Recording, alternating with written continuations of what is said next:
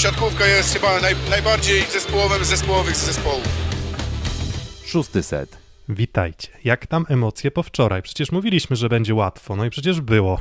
Zaksa w zasadzie bez żadnych problemów ograła Zenit Kazań, prawda? Ehm, no, więc mm, cieszymy się, że było was tak bardzo dużo wczoraj. Cieszymy się, że w ogóle jakąś taką niebywałą dla nas popularność zyskał ten odcinek. E, chyba udało się wpaść w algorytmy YouTube'a, no ale najważniejsi jesteście wy, że za każdym tym wyświetleniem stoi jakiś człowiek. Um, czyli wy, czyli wy, drodzy słuchacze, fajnie, że jesteście i fajnie, że tam przybyło nam subskrypcji. Um, jeżeli jeszcze, jeżeli słuchacie tego, jeszcze nie daliście subskrypcji, no to dajecie suba i nie ma w ogóle gadania. Um, no i dzisiaj kontynuujemy ten taki mały maratonik, bo rozmawialiśmy o Zaksie z Zenitem i w zasadzie ten mecz z Zaksy z Zenitem był taki dość przytłaczający w ostatnim tygodniu. W zasadzie większość naszych takich powiedzmy myślenia, większość czasu, który poświęciliśmy był właśnie oparty o ten mecz y, Zenitu z Zaksą, który potoczył się finalnie bardzo szczęśliwie i bardzo dobrze dla, dla drużyny z Kędzierzyna Koźla. No a teraz playoffy, tak? Nie możemy o tym zapomnieć, no bo jutro startujemy 14.45, no to wydaje nam się, że ten piątek 18.30 jest niezłym momentem na to, żeby omówić playoffy. Z tego względu, że po pierwsze jest 18.30, więc jak skończymy, to jeszcze będziecie mogli pójść na jakieś elektrolity, oczywiście trzymając dystans społeczny i ograniczenia, w, jeżeli chodzi o zgromadzenie. A druga sprawa, że, że jutro po prostu byłoby już odrobinkę za późno, więc lecimy z tematem. Filip, jesteś? Jestem z Rzeszowa, cześć. Kuba, jesteś? No jestem, jestem, cześć. Ja mam, ja mam panowie tylko do was pytanie na początek, bo tak sobie wyliczyłem, że to jest od soboty siódmy dzień i przez te siedem dni tylko przez dwa nie robiliśmy żadnej transmisji. Ja się zaczynam trochę czuć jak w Big Brotherze. Tak, znaczy wiesz co, znaczy wiesz, Big Brother lub Dzień Świstaka, tak? Bo wiesz, te, te live'y nasze na Insta śmiesznie wyglądają, no bo tam co chwilę taka miniaturka, miniaturka wjeżdża, um, miniaturka wjeżdża i no i wygląda, wygląda tak samo praktycznie, tak? Więc w zasadzie cały ten nasz krakowski trud, który tam włożyliśmy, jak się spotkaliśmy w Krakowie, no on wygląda bardzo podobnie na Instagramie, no i właśnie trochę Dzień Świstaka. Wiesz co, jeszcze jest coś takiego w, w świecie blogerów jak Vlogmas, przed świętami oni mają taki challenge, żeby codziennie coś nagrywać.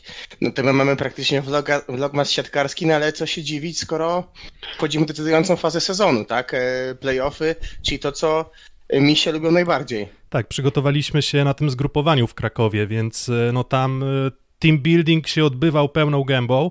E, w naszym zespole szóstego seta i wydaje nam się, że formę mamy zbudowaną na, te, na, te, na ten kluczowy moment e, sezonu e, klubowego, tak, a potem jeszcze sezon reprezentacyjny, o którym na pewno też będziemy chcieli mówić, no bo rok wyjątkowy.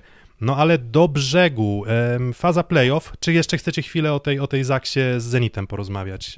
Jak... Zrobiliśmy na ten temat na Instagramie live'a wczoraj, tylko niechcący się on nie zapisał, więc trochę się nagadaliśmy i jak ktoś nie był na żywo, to niestety tego nie będzie można już odtworzyć. No ja tylko postaram się krótko zbudował mnie ten mecz w wykonaniu Zaksy, bo niesamowitą mentalność pokazali siatkarze z Kędzierzyna, przy czym warto podkreślić bardzo dobrą grę Zenitu Kazań. Nikola Grybić powiedział, że Zenit w półfinale zagra swoją najlepszą siatkówkę, no i myślę, że się nie pomylił, bo Zenit tam... wyglądał świetnie, ale mimo tego Zaksa bardzo dobrze grającą drużynę ale no, złamała. Coś tam wie Nikola Grbicz o siatkówce, co? Tak, trochę widać, że trochę się zna. Tak, no moglibyśmy, moglibyśmy bardzo dużo o tej Zaksie powiedzieć, natomiast no finalnie wszystko się sprowadziło do jednej akcji, tak? To jest dziwne, no bo tak się zawsze mówi o tym, że w siatkówce musisz udowodnić e, swoją wyższość, a na dystansie, no nie wiem, 100 akcji rozegranych, więcej nawet, tak? Jakby nie patrzeć tam 40, no z 200 akcji, tak? Pewnie średnio 4 sety, e, w każdym secie gdzieś tam po, po 50 akcji na pewno jest wykonywanych. No a tutaj się okazuje, że gdyby nie ten jeden blok Kuby Kochanowskiego na Artiomie Wolwiczu, no to nie w ogóle nie rozmawialibyśmy w takich nastrojach pozytywnych, euforycznych, że e, Zaksa ograła Zenit Kazań, tylko w zasadzie byłoby zamknięte 3 do 0 i, i nie byłoby już w zasadzie specjalnej specjalnej dyskusji i, i, i chyba nikt nie mógłby mieć wtedy też pretensji do tego, że, że Zenit wygrał 3 do 0, no bo po prostu zasługiwał na to, tak? Tak, zdecydowanie. No, nie, no tak jak powiedziałeś, Piotr, nie mieliby do siebie pretensji. Zresztą powiedziałeś o tym bloku Kuby Kochanowskiego na Wolwiczu, ale też w rywalizacji z Lubę Kuba Kochanowski zatrzymał Simona w ważnym momencie, więc to też pokazuje, jak można się nagadać na temat stylu gry danej drużyny, o ich atutach, o wadach, o czymś rozłożonym trochę bardziej w czasie, a potem dochodzi do ważnego momentu i decyduje jedna akcja i całe te wszystkie analizy można sobie potem e, gdzieś tam schować do kieszeni, bo, bo to nie ma wielkiego znaczenia. No, mało osób pewnie by się spodziewało, że akurat Kuba Kochanowski w takim momencie tego Wolwicza zablokuje, a to też po części się stało dzięki moim zdaniem trochę niewprasobliwości Ngapeta, który przecież biegł tam gdzieś spod 8-9 metra, niepotrzebnie dogrywając piłkę sprzed nosa Gołubiewowi do Budko, przez co wyeliminował się z pipa. Gdyby Ngapet jeszcze robił nabieg do pipa, Budko miałby do wyboru prawe, lewe, środek i pipa, no to Kochanowski miałby trudniej, a tak, no to Ngapet się wyeliminował z pipa.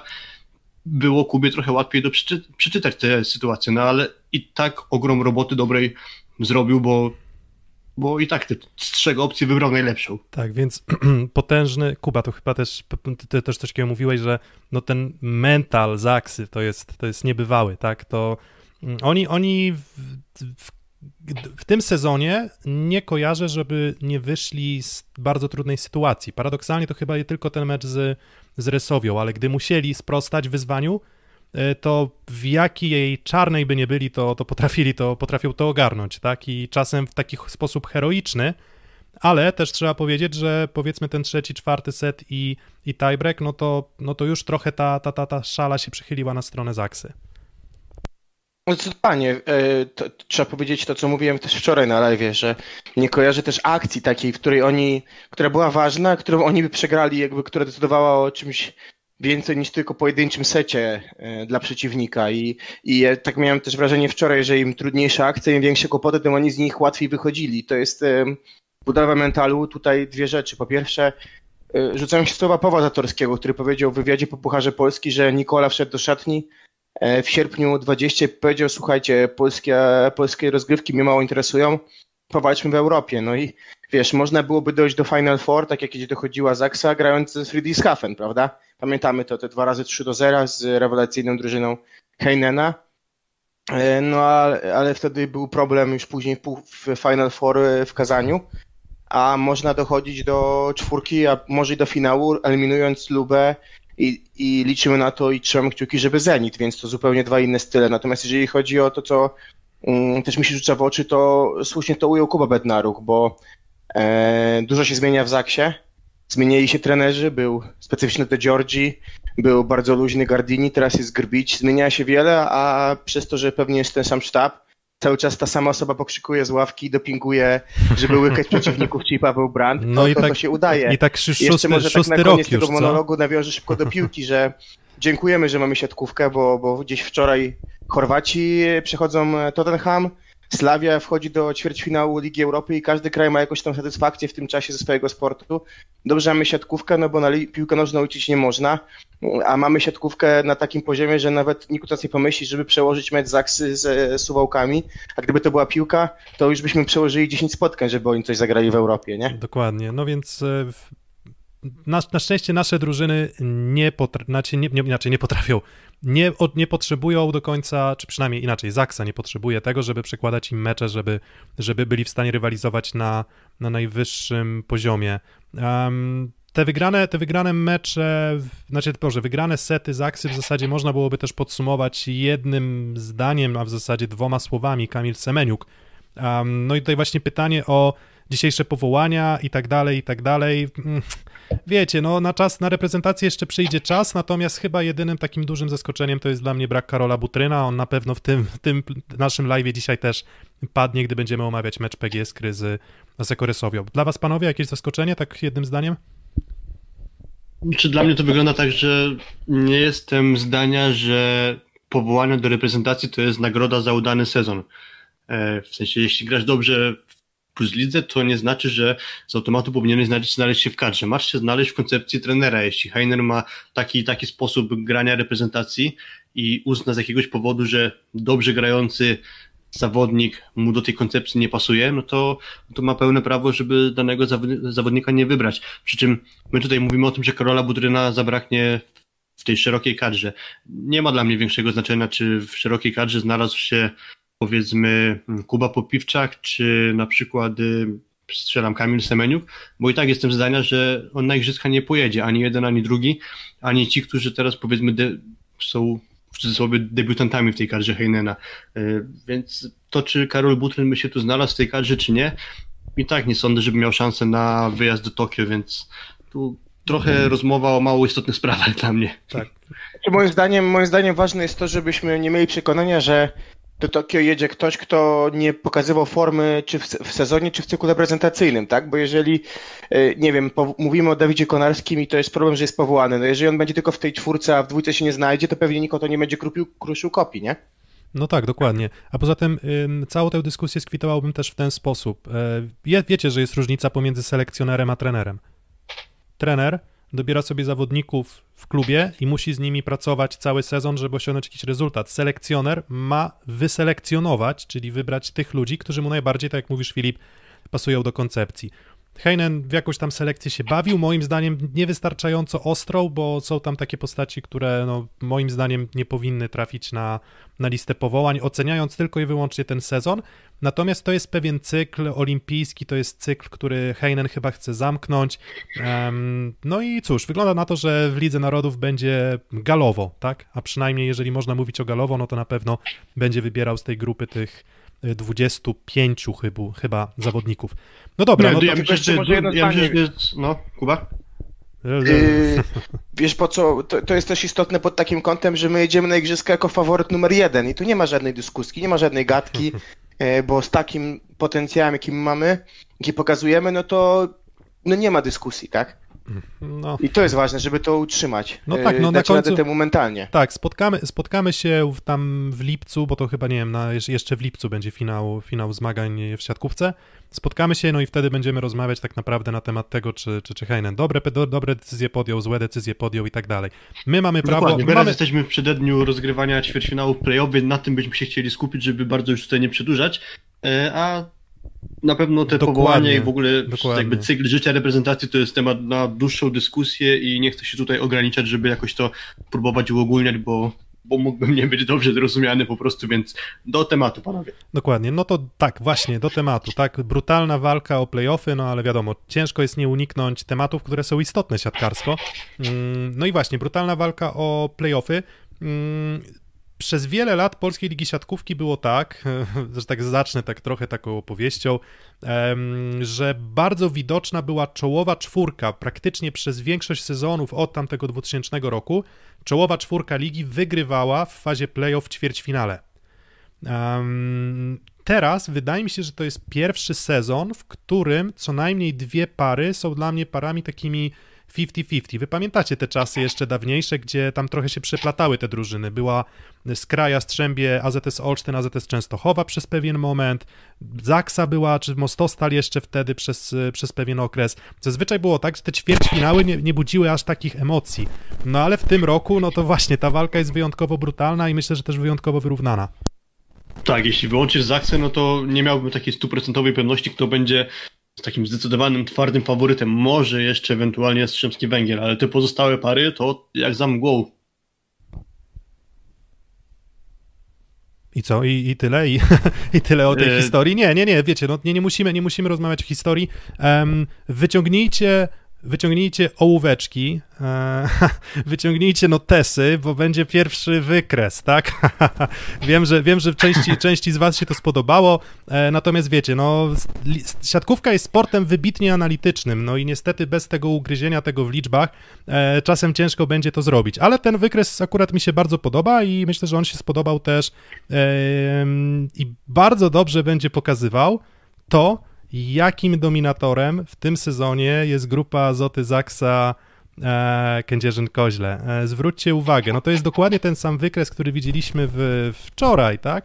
E, dotyczący Ligi Rosyjskiej, gdzie tam próbowałem udowadniać, że Zenit no, jest do, dobrą drużyną, ale, ale nie tą najlepszą w, nie najlepszą w, w tym, nie najlepszą w lidze rosyjskiej, a tutaj spójrzcie na Zaksę. Zaksa tą naszą ligę dominuje bardzo mocno, ale też jest taka drużyna jak MKS Będzin, więc trochę takie dwie strony medalu. MKS Będzin bardzo słaby w ofensywie, bardzo słaby w defensywie. Zaksa wybitna w ofensywie, wybitna w defensywie na skalę naszej ligi. Więc y, Zaksa no tym faworytem, zresztą tak jak Filip mówisz, wydaje się być bardzo mocnym. Natomiast jest kilka ciekawych, jest kilka ciekawych elementów tutaj, które, które widać. Na przykład to, że mm, Tref Gdańsk jest świetną drużyną, jeżeli chodzi o aspekty defensywne, natomiast okazuje się, że nie jest tak skuteczny jak wiele innych drużyn plus ligi. W zasadzie Werwa i Jastrzębie, to można by powiedzieć, trochę można ich przyrównać do Zaksy pod tym względem, że są ponadprzeciętni i w tych aspektach defensywnych, i w ofensywnych. Istotną informacją tutaj jest to, że no to są dane z całego sezonu, tak? To są liczby z całego sezonu i to ma ukazywać tak naprawdę z taką zagregowaną informację. Natomiast coś to na pewno mówi. I ciekawe jeszcze w kontekście pary, i przejdziemy na pewno do pary Asekoresowia Rzeszów PGS Krak, która pewnie grzeje większość z Was, jest taki, że i Resowia, i Skra są poniżej przeciętne, jeśli chodzi o aspekty defensywne w tym sezonie.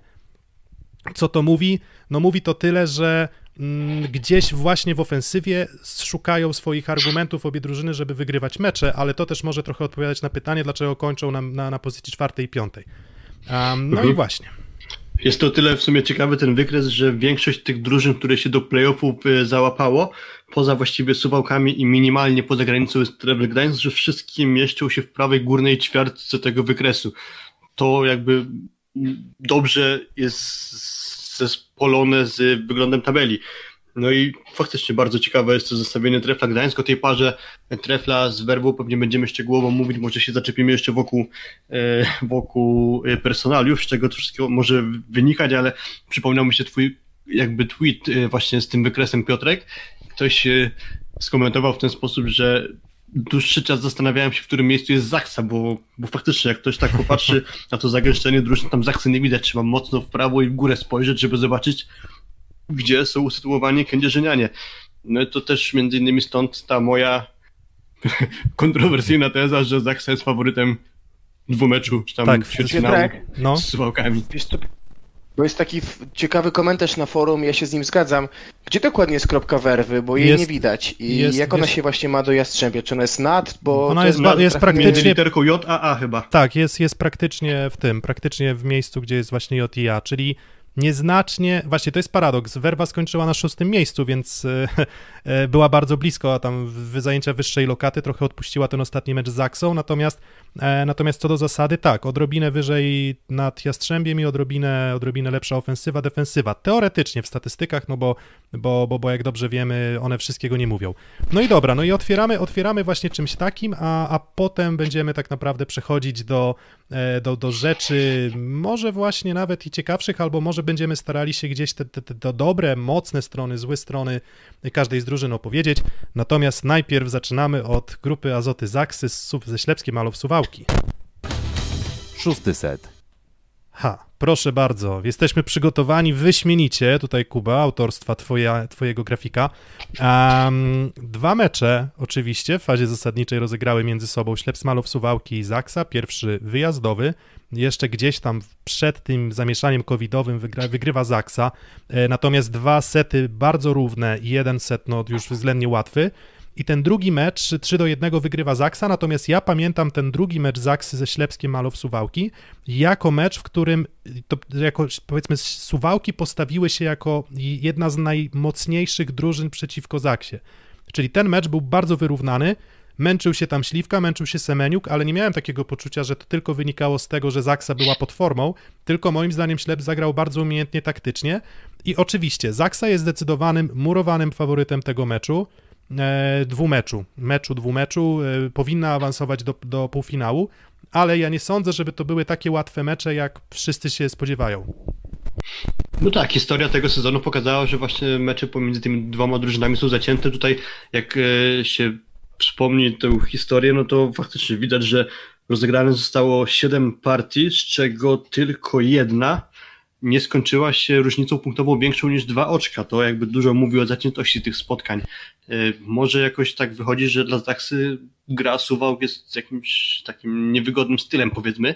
E, to, co tutaj będzie na pewno kluczowe, no to postać Bartłomieja Bołądzia, który na szczęście dla Ślepska Malów Suwałki w tym sezonie nie zawodzi. E, i na niego pewnie można liczyć, natomiast dużo będzie mm, zależeć i tu jestem już trochę mniej spokojny odnośnie ataku przyjmujących. Będzie, to jest trochę tak, Sztep z Malów Sywałki to jest zespół Bartłomiej Bołądź plus drużyna, która musi wzajemnie na siebie pracować. Jeśli linia przyjęcia nie przyjmie dobrze piłki, problem ma Tuaniga. Jeśli Tuaniga ma problemy, problemy będą mieć lewo skrzydłowi.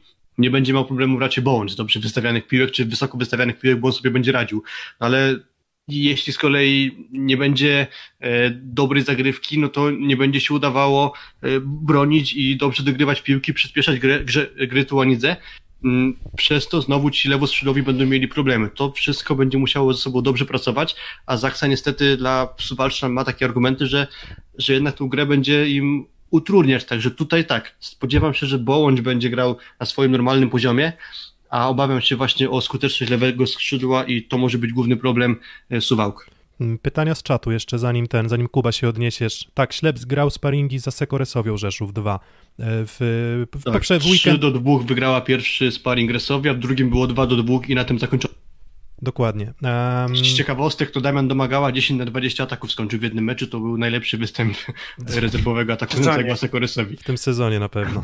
Dobra, Kuba, no właśnie, co, co, co, sądzisz, co sądzisz o tym dwumeczu? No bo tutaj trudno jest postawić innego faworyta niż Zaksa i jakbyśmy się nie starali, no to są lepsi w ofensywie, są lepsi w defensywie, no to gdzie są te punkty zaczepienia oprócz, oprócz Bołądzia też? Tragiczny timing to jest. Wiesz, ja nawiązywałem tak do piłki nożnej, bo ja bym już za późno na apelowanie, ale gdzieś tam można byłoby ten mecz przełożyć, pewnie by się ułożył terminarz, z drugiej strony przekładanie pewnie nie jest, to nie jest normalne zachowanie. Terminarz, bo, bo fajnie dobrze, że Zaksa wracała wczoraj czarterem, gdzieś tam chyba o trzeciej wrócili do Kędzierzyna, no ale mecz już niedziela 14.45, no i ta krótka ławka może wyjść, bo gdzieś myślę, że gdyby był Łukasik, to można by było trochę porotować bardziej. Zażartowałbym, że jakby Mm. pierwszy mecz grali w Suwałkach, to może, wiesz, mówię, zażartowałbym, że gdyby pierwszy mecz grali w Suwałkach, to może i bliżej mieliby skazania do Suwałk niż z Kędzierzyna do Suwałk. Taki głupi żart. No tak, tak. No dob- myślę, że ale oni się chyba cieszyli, że grają e, w Kędzierzynie. Natomiast co chcę powiedzieć to, że no tego się obawiam. Gdybym był jakby na miejscu sztabu Zaksy zawodników, to chyba bym się tej fizyki obawiał, bo jednak ten timing jest niesamowicie y, no po prostu tutaj pod tym kątem nie, niekorzystny, pod kątem tego jak Suwałki grały z nimi dobrze. I teraz jest zasadnicze pytanie, czy będzie trochę mieszał Nikola? Czy odp- bo przy dwóch meczach odpuszczanie jednego meczu jest mega ryzykowne, to jest problem, bo gdyby były trzy, to pewnie by był odpuszczony. A Myślę, tak? Tam wiesz, co, spodoba, E. spodobał mi się komentarz na czacie, że no pewnie Klut może grać, e, no, No, może, myślę, Reino, tak. może, Reino, może Reino łamane na Smith, ale no ciężko, na pewno, ciężko na jest pewno. mi, wiecie, no, No, ale, Suwałki, ale na przykład nie wyobrażam sobie, żeby nie zagrał to Newton. nie no tak, Nie, musi, na pewno tak. zagra to Newty, to tak, musi, oczywiste. musi zagrać Toniutti, musi, muszą zagrać moim zdaniem przyjmujący i Zatorski Tak. i, i Kuba Kochanowski. Um, Tak. właśnie, nie, nie traktujmy Suwałki jako drużyny też w jakiś sposób, nie wiem, odstającej od, od, od tej powiedzmy czołowej siódemki czy szóstki, tak? Dlatego, że to jest drużyna, która miała gdzieś tam swoje problemy też z kontuzjami. E, wrócił Takwam, który na pewno poprawił te aspekty, aspekty no właśnie pracy na bloku i, i Suwałk bym właśnie nie lekceważył, więc nie, wydaje mi, nie wydają mi się być Suwałki mimo wszystko, mimo powiedzmy tego, że to jest pierwsze miejsce z ósmym miejscem, które się spotyka w tym ćwierćfinale, trudno jest mi, e, trudno jest mi powiedzieć, żeby, żeby, żeby można było tak łatwo i tak nonszalancko do tego podejść, bo moim zdaniem może się Nie, to, na pewno nie. może, może się to za, Na zemścić. pewno nie. Um, Tylko na Zaksie jest mega na rękę 3-0. No, Godzina 20 i prysznic i dziękuję. To jest im mega na rękę. no to widać, że wiesz, tak polubili ten wynik 3-0, 3-1 w tym sezonie, że w zasadzie zazwyczaj szybko domykają mecze, tak? E, natomiast właśnie, ja tam sądzę, że Chociaż Suwałki w nie tym pas... tygodniu już dwa tiebreaki mają za sobą. Półfinał z Zawierciem w Pucharze Polski, dzień później finał ze Strzębiem 3 do 0 i teraz tiebreak w Kazaniu plus te ileś tysięcy kilometrów, no to nie do pozazdroszczenia sytuacja. No tak, no ale niestety, no nic, nic, na, to, nic na to nie poradzą i, i wierzę w to, że są przygotowani fizycznie też bardzo dobrze kędzierzynianie. Em, argumenty jeszcze sportowe, tak, na, na rzecz e, Suwałk. Coś, co też było widoczne w tym drugim meczu, czyli Suwałki są drużyną, która wyróżnia się, jeśli chodzi o jeśli chodzi o przeciwdziałanie, powiedzmy, atakującym rywala, tak? Tomas Russo ma dobry blok. Andreas Takwam na pewno go poprawił. Bartłomiej Bołądź też potrafi popracować, popracować blokiem. Mm, Więc co do zasady, właśnie Suwałki, jeżeli gdzieś się wyróżniają ze skutecznością e, tej swojej defensywy, no to na pewno na pewno na lewym skrzydle i na prawym skrzydle raczej niż na, na środku.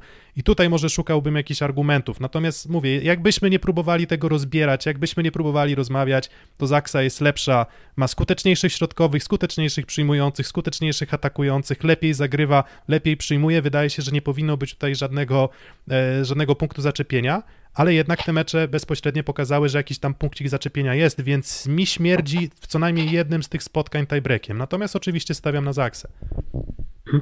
Ja oczywiście też stawiam na Zaksę, jest dla mnie głównym fa faworytem, największym w ogóle z tych wszystkich partii ćwierćfinałowych.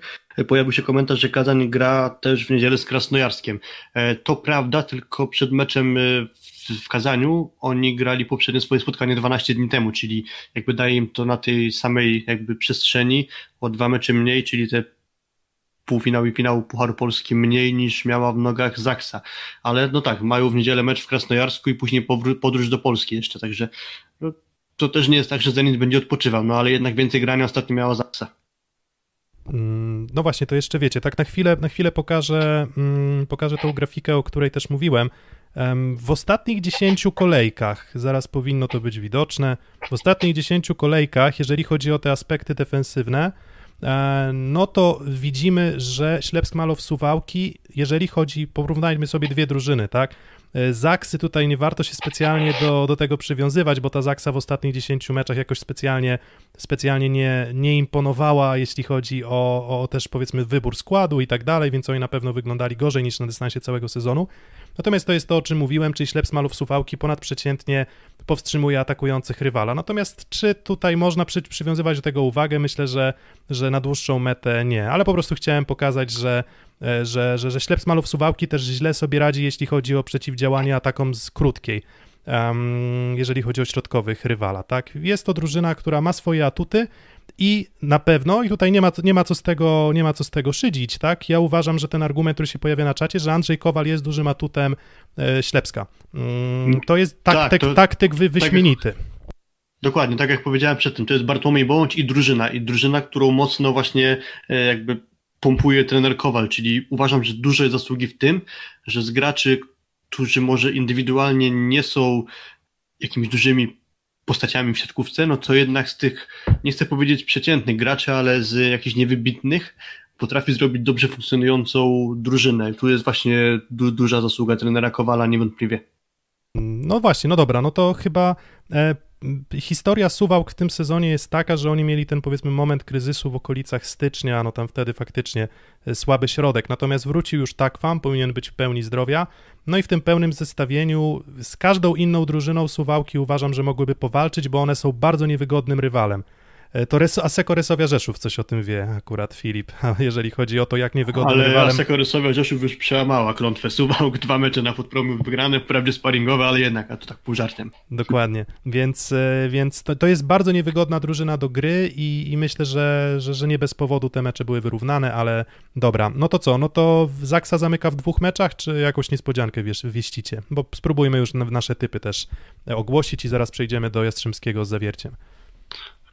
E, niby, niby mecz pierwszego, pierwszego zespołu z ósmym, ale te historie z plus, e, rundy zasadniczej pokazują, że bywały te mecze zacięte, także to może świadczyć o tym, że będzie dobre widowisko, przynajmniej taką mamy nadzieję, no ale jednak mój typ jest taki, że oba spotkania, spotkania wygrają kędzierzynianie. Powiedzmy, że postawię w ten sposób, że Suwałki wygrają maks jednego seta. Kuba? Jest Kuba, nie ma Kuby. Na chwilę. Masz mikrofon był wyciszony. O, już nie masz. No, jesteś czy nie macie? No nie ma Kuby. Dobra, no to, to moje, typy, moje typy są takie, że no śmierdzi mi tiebreakiem w meczu wyjazdowym, ale, ale właśnie z uwagi na to zmęczenie, no bo to będzie też już po tym meczu rewanżowym z Zenitem Kazań e, i dużym nagromadzeniu spotkań. W pierwszy mecz za trzy punkty Zaksa, w drugim meczu myślę, że tiebreak, no ale finalnie myślę, że w dwóch meczach to to domknął. Natomiast, tak jak właśnie mówię, e, nie zawsze jesteśmy w stanie przewidzieć idealnie wynik meczu, ale jesteśmy w stanie przewidzieć to, że to nie będzie taki łatwy mecz e, dla, mm, dla Zaksy i i, trzymamy kciuki też za suwałki pod tym względem, że chcemy, żeby to były wyrównane pary. Wszyscy mówią o tej, o tej parze jako jedynej parze, gdzie, która ma zdecydowanego faworyta. No to może suwałki nas e, zaskoczą i, i tego im życzymy. Dobra, e, Kuba coś... Poczekaj Piotrek, e, spróbujmy nawiązać kontakt z Kubą, bo... Jestem. O. Dobra, no to twoje typy jeszcze, szybko. Coś mnie wyłączyło, wiecie? E, moje typy, ja bym powiedział przewrotnie, że będą trzy mecze. A typy to się jeszcze pokaże w formie też wizualnej przed, przed każdymi kolejkami, także ale, ale, może będą trzy mecze. Ale Zaksa, ale Zaksa do przodu. Tak, tak. Dokładnie. No dobra, no to, no to tyle o tym pierwszym meczu i zaraz y, druga para, czyli para, która rozpoczęła granie chyba w pierwszej kolejce ze sobą, e, a mianowicie Aluron Virtu, Aluron CMC Warta Zawiercie, przepraszam bardzo, kontra Jastrzębski Węgiel. Szósty set. Mm, No i dobra, dalej zmieniamy grafikę, proszę bardzo. Tak wyglądały mecze mm, Jastrzębskiego Węgla kontra Aluron CMC Warta Zawiercie. E, Podzielili się zwycięstwami. E, tak jak mówiłem zresztą, pierwsza kolejka, mm, w której, nie wiem czy pamiętacie w ogóle ten mecz, to była ta kolejka, w której trochę nas nie przekonywał poziom sportowy spotkań i nagle chyba w niedzielę 20.30 pojawił się taki mecz, w którym było wszystko. I to był właśnie taki mecz, w którym moim zdaniem było wszystko i to był mecz, który zwiastował, że ten poziom tego sezonu może być bardzo dobry. Wtedy jeszcze nikt nie mówił o COVID-zie, nikt nie mówił o tych przekładanych spotkaniach, nikt nie mówił o problemach z przygotowaniem fizycznym i kondycyjnym, jeżeli chodzi właśnie o COVID, y, o przerwach w rytmie meczowym. To był bardzo dobry mecz, w którym obie drużyny wyszły bardzo agresywnie, bardzo naładowane i, i, i, i patrząc na tamto zawiercie, wydawało się, że, że, że ono może być bardzo blisko Jastrzębia w końcowej tabeli. Okazało się na końcu, no, że jednak Jastrzębie na pewnym etapie sezonu bardzo im odjechało. Dla mnie to jest dziwne, że akurat to pamiętam, nie wiem kompletnie dlaczego, ale pierwszy set tego spotkania i cała linia przyjęcia zawiercia miała 0% perfekcyjnego przyjęcia. E, co- Coś takiego zapamiętałem. Druga rzecz, jaką zapamiętałem, to fajne określenie, że bardzo dyskretny debiut Flavio Gualberto, bo to faktycznie tak wyglądało, ale potem się na szczęście Brazylijczyk trochę mm, rozkręcił. E, Faktycznie tamten mecz można powiedzieć, że porwał e, i to była trochę namiastka tego, co później prezentowało zawiercie, aż do przerwy na COVID. Mniej więcej gdzieś chyba do połowy listopada mm, potrwały te dobre mecze zawiercia, po czym była przerwa na COVID i długo się nie mogli pozbierać i mam wrażenie, że do dzisiaj się nie pozbierali, bo od tamtej pory do tej regularności formy mm, zawiercianie nie wrócili. Pewnym dobrym prognostykiem na pewno jest to, co działo się w półfinale Pucharu Polski, czyli zacięte starcie z Zaksu, dopiero przegrane po tiebreaku. Mm, Mówiliśmy o tym meczu w sumie sporo w tym naszym instagramowym live, więc tu nie będę dokładnie tego streszczał, ale poziom gry zawiercia z tego spotkania z Zaksą daje jakieś nadzieje na to, że z Jastrzębiem e, powalczył, tylko z kolei Jastrzębie też się dobrze zaprezentowało e, w tym sobotnim meczu z Treflem, jakby wybijając wszelakie atuty drużynie Biniarskiego. Gładko ulegli dzień później z Zaksą, ale to nie jest żaden ani, nie wiem, wstyd, ani może jakiś e, prognostyk oznaczający coś wielkiego, no bo przegrać z Zaksą, no to i, i przegrało Lubę i Zenit, więc tru, tutaj trudno to jakoś e, bardzo e, mocno brać pod uwagę, więc Wymiana mikrofonu. mnie- Odbijaj piłeczkę, przekazuj dalej. E, Okej, dla mnie, dla mnie i zawiercie, Jastrzębie w tym pucharze myślę, że dobrze się zaprezentowało. To świadczy o tym, że wracają do formy, więc y, Kuba, ty sporo mówiłeś, jak byliśmy w Krakowie o Al-Hagdadim. Y, Jak sądzisz, że Al-Hagdadi dźwignie ten, ten ćwierćfinał? No myślę, że tak. Myślę, że powoli on się obudził, zaczął grać lepiej. E, to było widać szczególnie w meczu z Treflem, gdzie wyglądał dobrze. Zaksał momenty, no ale Zaksa go przykryła czapką, ale to chyba jeszcze nie znaczy, że, że nie dźwignie tego. Co jest na pewno dla mnie ciekawe, to jest, przypominam sobie pierwszy mecz, mm, para Depowski-Orczyk, gdzie wszyscy spodziewaliśmy się Lungatutije Halaba, a wyszli parą Depowski-Orczyk i Orczyk praktycznie cały sezon to miejsce utrzymał. Mm, I pewnie też jutro wyjdzie w podstawowym składzie. Ro, roz, obudził się Mugatutia, który w ostatnich kilku kolejkach był na równi grającym zawodnikiem. I to myślę, że jest na pewno e, duża e, szansa dla, dla zawiercia, jeżeli o to chodzi. Natomiast Czekaj Kuba, bo ty, ja nie wiem, czy nie przesłyszałem, ty mówiłeś Depowski, cho- chodzi ci o Halabę chyba, tak? Nie, Depowski Orczyk grał w pierwszym Polski meczu. Orczyk wyszli w pierwszym, W pierwszym meczu. meczu Depowski z Orczykiem wyszli na Jastrzębski Węgiel. A, okej, dobra, bo mi się pomyliło, że ty mówisz o Pucharze Polski, sorki. A potem, a potem zaczął Nie, nie, mówić nie, o, a potem, a potem zaczął mówić o też, wiesz, o powrocie Okej, dobra, innych, już- innych już zawodników do formy. Dobra, e, znaczy tak, mo, moje, moje zdanie jest takie, że e, jest Malinowski, jest impreza, troszeczkę jak parafrazując ten chyba Prusta, e, jest w poszukiwaniu straconego czasu, to zawiercie w poszukiwaniu utraconej formy. Zaczęli fantastycznie, bo na początku sezonu grali taką siatkówkę na takim tempie, że ja bardzo zacierałem sobie ręce na myśl o ich starciu z Zaksą. Uważałem, że wtedy zawiercie grało być może najlepszą siatkówkę w lidze właśnie po Zaksie. Ale utracili formę.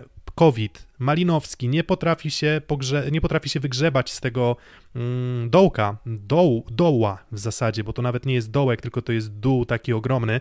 Um, I jakieś tam pozytywne aspekty się pojawiły w tym rewanżu z Jastrzębskim Węglem, tak, w którym Malinowski zaczął grać lepiej. Pojawiły się w tym meczu z Zaksą. Natomiast co do zasady, zawiercie spadło w okropną przeciętność. Przeciętni na bloku, przeciętni w defensywie, przeciętni w ofensywie i nie są drużyną bardzo słabą, ale nie mogą w ogóle, nawet, nie, nawet momentami nie są w stanie nawiązać moim zdaniem do tej gry, jaką prezentowali na początku sezonu. Aczkolwiek ten Puchar Polski faktycznie jakimś tam małym, małym pozytywem jest. Natomiast mm, no Malinowski musiałby wejść naprawdę na poziom, którego nie prezentował od kilku miesięcy, całe, całe zawiercie, żeby moim zdaniem Jastrzębski Węgiel w przyzwoitej, solidnej formie pokonać.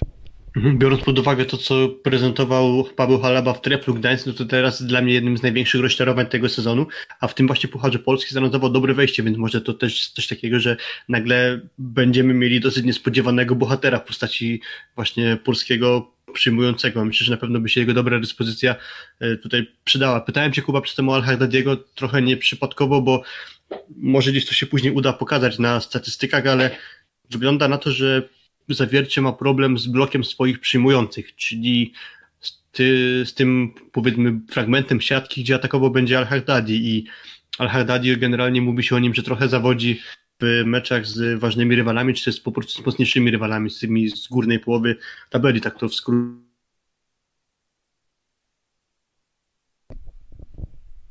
w sobotę w Pucharze Polski, ale w niedzielę uważam, że jego statystyki były lepsze niż gra.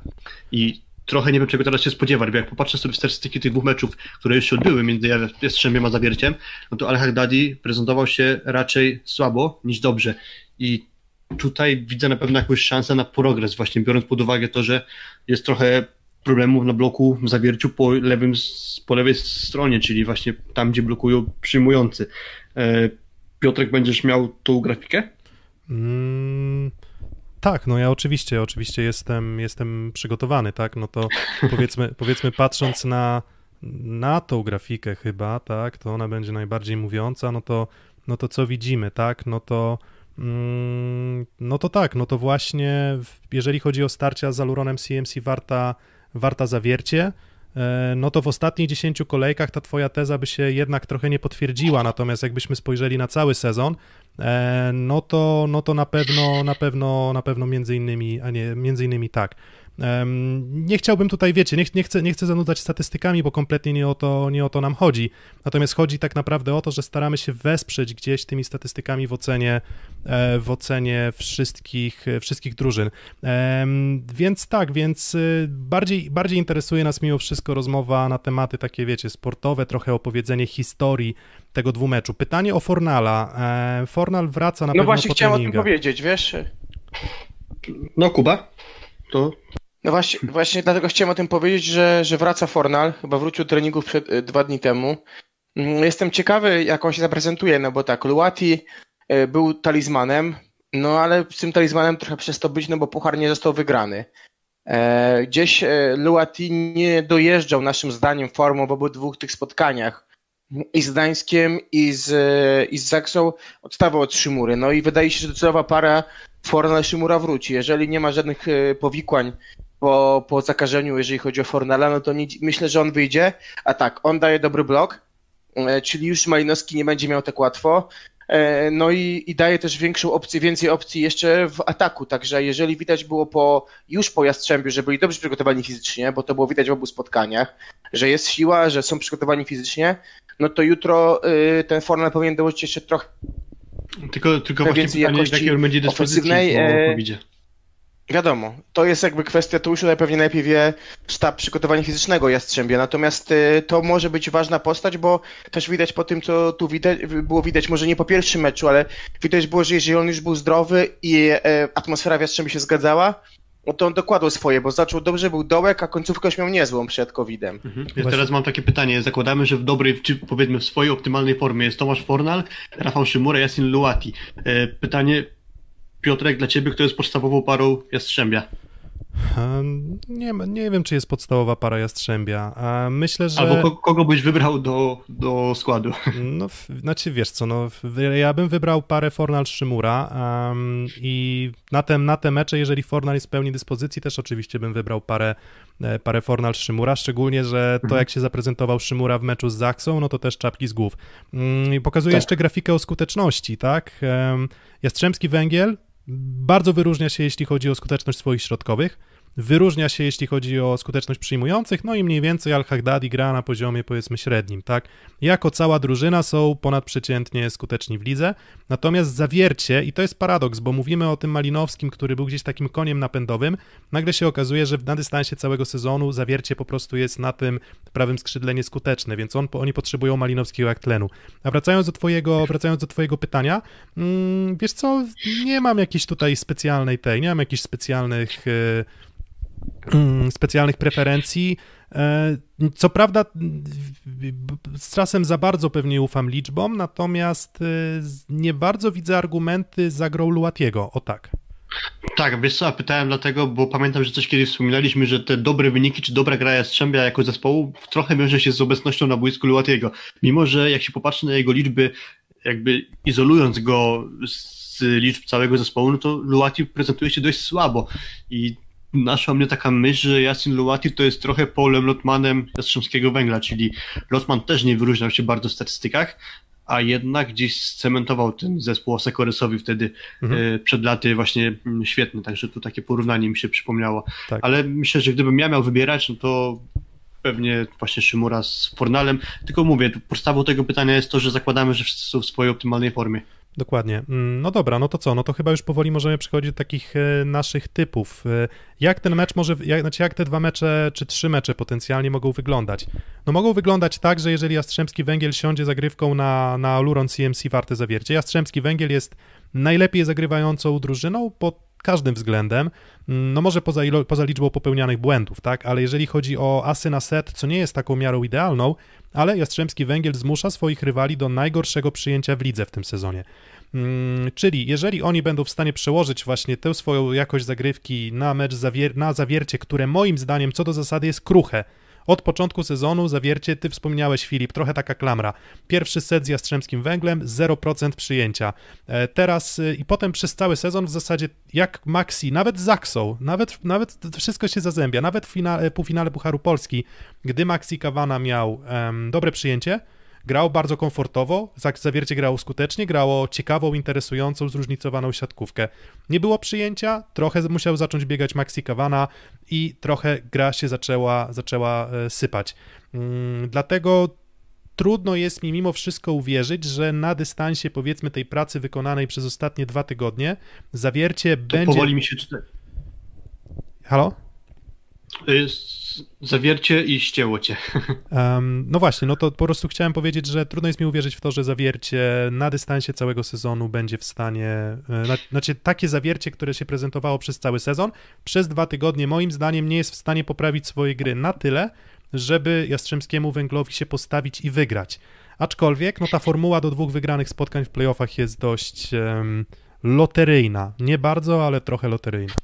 Mhm. Obawiam się tutaj właśnie o aspekt przyjęcia w zawierciu, bo chociażby Michał Żurek jest dla mnie jednym ze słabszych libero z tej stawki playoffowiczów i choćby te wspomniane statystyki przez ciebie pierwszego seta tego sezonu mogą trochę odzwierciedlać to, co się będzie działo teraz.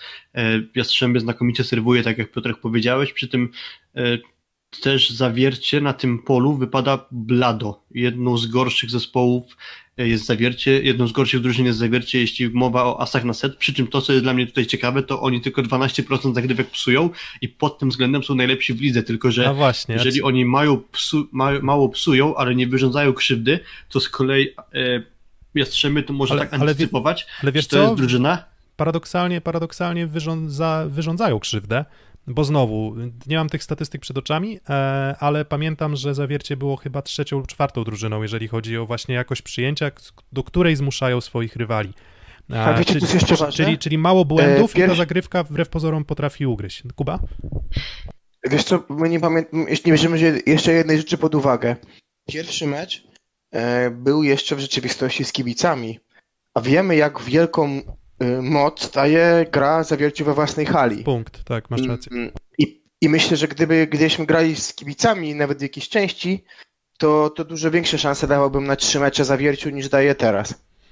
No wiesz, co, co, bardziej, co bardziej złośliwi mogliby się przyczepić, że jacyś tam kibice na, na trybunach nie tylko w Zawierciu, ale w zasadzie w całej Polsce się pojawiają. Zresztą na, na Pucharze Polski też było sporo osób na, No na trybunach, okej. tak? No ale, ale, ale okej, jasne, zgadzam się, to jest, to jest bardzo, dobry, bardzo dobry punkt. Zawiercie trochę napędzane właśnie też tym kotłem w hali, gdzieś ten powiedzmy poziom mentalny na początku sezonu był po prostu w przestworzach, no ale spadli na ziemię, potłukli się, no i, i, i trochę, trochę kuleją. Mhm. Ale z kolei ten drugi mecz w Jastrzębiu bez kibiców i Zawiercie go wygrało 3 do 1, także to, to też nie musi być przesądzające. Nie, oczywiście nawet nie zakładaliśmy, że to będzie kluczowy argument, że wtedy byli kibice, teraz ich nie będzie, ale faktycznie to celna, celna uwaga. Y, Tylko kończąc swoją myśl a propos tego, jeśli Jastrzębie powiedzmy będzie sobie dobrze radzić z zagrywką Zawiercia, no to przypomina mi się statystyka, że Jastrzębie jest jedną z najmocniejszych drużyn, jeśli chodzi o efektywność ataku ze środka. Tak, To dokładnie. może być duży atut. Tak, dokładnie. No, Fla, aczkolwiek Flavio tam jeszcze całkiem nieźle sobie radzi na bloku, więc myślę, że on będzie w stanie jakoś tam temu przeciwdziałać. Natomiast tak, to jest zaskakujący, zaskakujący element gry. Ja z Kampę raczej kojarzyłem jeszcze z poprzednich sezonów jako zawodnika, który rozgrywającego, który nie przepada za grą środkiem, ale w zasadzie, no jak się ma Borucha i, i, i kto tam jeszcze grał wtedy w parze z Sobala? Boruch, Kosok. Kosok, Boruch, Sobala. Był taki sezon, no to trudno wtedy grać środkiem. No wybiera się takie, takie rozwiązania, jakie ma. Wiśniewski i Gładyr e, są bardzo, bardzo dobrymi środkowymi. Dobra, właśnie, zmiana pary, bo już za długo o nich e, widzę, że jakieś tam wszyscy czekają na tą jedną parę z PGS Nasze typy jeszcze, bo zapomnieliśmy o typach. No nie, ja właśnie tak nie, nie, nie, zap, nie zapomniałem o typach, tylko właśnie A, chciałem okej. nawiązać, że także zmiana pary, więc jeszcze nasze typy. Mm, stawiam na Jastrzębski Węgiel, ale myślę, że znowu, to troszeczkę jak w tym meczu Suwałk z, z, z Zaksą. Em, jeden tiebreak i, znaczy co najmniej jeden tiebreak, natomiast awans Jastrzębskiego Węgla. Mm, Myślę, że pierwszy mecz Jastrzębie wygra 3 do 0 lub 3 do 1. W drugim przypieczętuje awans, ale po tiebreaku. No i Kuba. Albo inaczej, w drugim, albo w drugim inaczej. W drugim meczu będzie tiebreak i w tiebreaku 50 na 50, ale coś czuję, że Jastrzębie po dwóch meczach awansuje. No A i- ja chcę jak najwięcej siatkówki i niech będzie też tutaj trzy mecze. No pewnie z awansem Jastrzębia, ale mało tych spotkań zostało, więc im więcej ich będzie, tym lepiej. No właśnie, no Jastrzębski Węgiel nie jest taką drużyną, o której można byłoby powiedzieć, że poza tą właśnie skutecznością środka em, wyróżnia się bardzo, ale w każdym elemencie wyróżnia się trochę i to jest ich siła. A dodatkowo jeszcze, jak ja patrzyłem właśnie, jak byli w stanie mm, Gdańsk, Trefl Gdańsk, no bo tam z Zaksą to jest troszeczkę inne granie, ale i z Zaksą potrafili swoje argumenty mieć. I Trefl Gdańsk po prostu w Pucharze Polski zabili. E, zabili blokiem i zabili obroną, czego ja się osobiście nie spodziewałem. Oni mieli z tym problemy gdzieś w styczniu, mieli w lutym, w okolicach tego zwolnienia Reynoldsa, ale dźwignęli się i teraz myślę, że jeżeli defensywnie to, to pójdą w górę, to, to, to powinni zamknąć mecz z zawierciem i awansować do półfinału. No dobra, em, no to co, kolejna para zaraz. Szósty set. Mm, W momencie, gdy, się, gdy przygotowywaliśmy się do odcinka, jak rozmawialiśmy, to mieliśmy taki problem, że zupełnie nie byliśmy w stanie przypomnieć sobie tego, co działo się w meczach Werwy z Treflem. I teraz jaka jest historia tych spotkań? No to to były spotkania akurat w tym takim amoku, e, cyklonie covidowego zamieszania, w którym to na dystansie pięciu dni pierwszy mecz e, w Warszawie, drugi mecz w Gdańsku. Rozegrały te, te drużyny dwa mecze, natomiast Werwa wtedy jeszcze chyba odrobinę borykała się z problemami po covidzie. Dwa zwycięstwa Trefla Gdańsk, ale czy byłbym w stanie jakiekolwiek tutaj znaczenie przypisywać konkretnie e, takim rozwiązaniom i tym, że w fazie zasadniczej tak, tak się zakończyły te mecze, to chyba nie. Ja myślę, że nie z kilku powodów. Po pierwsze, składy drużyn, czyli Werwa. Pierwszy mecz zaczął Jakub Żebrowski, którego już w drużynie z Warszawy nie ma, bo trafił do drużyny pierwszoligowej z Lublina. Dalej y, za niego w trakcie tego spotkania wchodził Jan Król. Raczej możemy się spodziewać, że akurat tą postacią, tą postacią, która tutaj pierwsze skrzypce na ataku będzie grała, to będzie Michał Superlak, bo końcówka sezonu jakby wykreowała go jako podstawowego atakującego drużyny Anastazjego. No i po drugiej stronie siatki Trevor Gdańsk. Wtedy jeszcze oba te mecze rozegrali z Mateuszem Miką, który jak wiemy niestety jest kontuzjowany i, i jego nie będzie, będzie Bartosz Pietruczuk. Także raczej bym nie nawiązywał do tego, co działo się w tych spotkaniach, właśnie głównie przez te różnice personalne, jakie tutaj będą nas czekać. Znaczy, Kuba, Kuba jako kibic Trefla, ty, ty, ty właśnie pamiętasz te spotkania? Bo mówię, one akurat trafiły na taki moment, w którym zupełnie mi umknęło. Ja bardzo długo, ja pamiętam sporą część wyników i oglądam bardzo dużo spotkań plus ligi e, i, i nie byłem w stanie sobie zupełnie przypomnieć tych spotkań i powiem też zupełnie szczerze, że w ogóle nie, nie pamiętam jakoś charakterystyki tego, jak one przebiegały i tak dalej, więc raczej skupiłbym się też w naszej ocenie na, na takim powiedzmy ocenie całego dystansu. No to co jest atutem Gdańska, co jest atutem Werwy?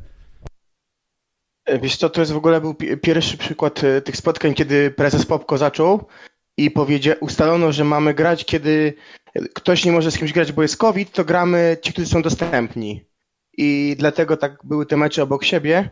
Um, powiem tak, trener Astazji wybrał tref.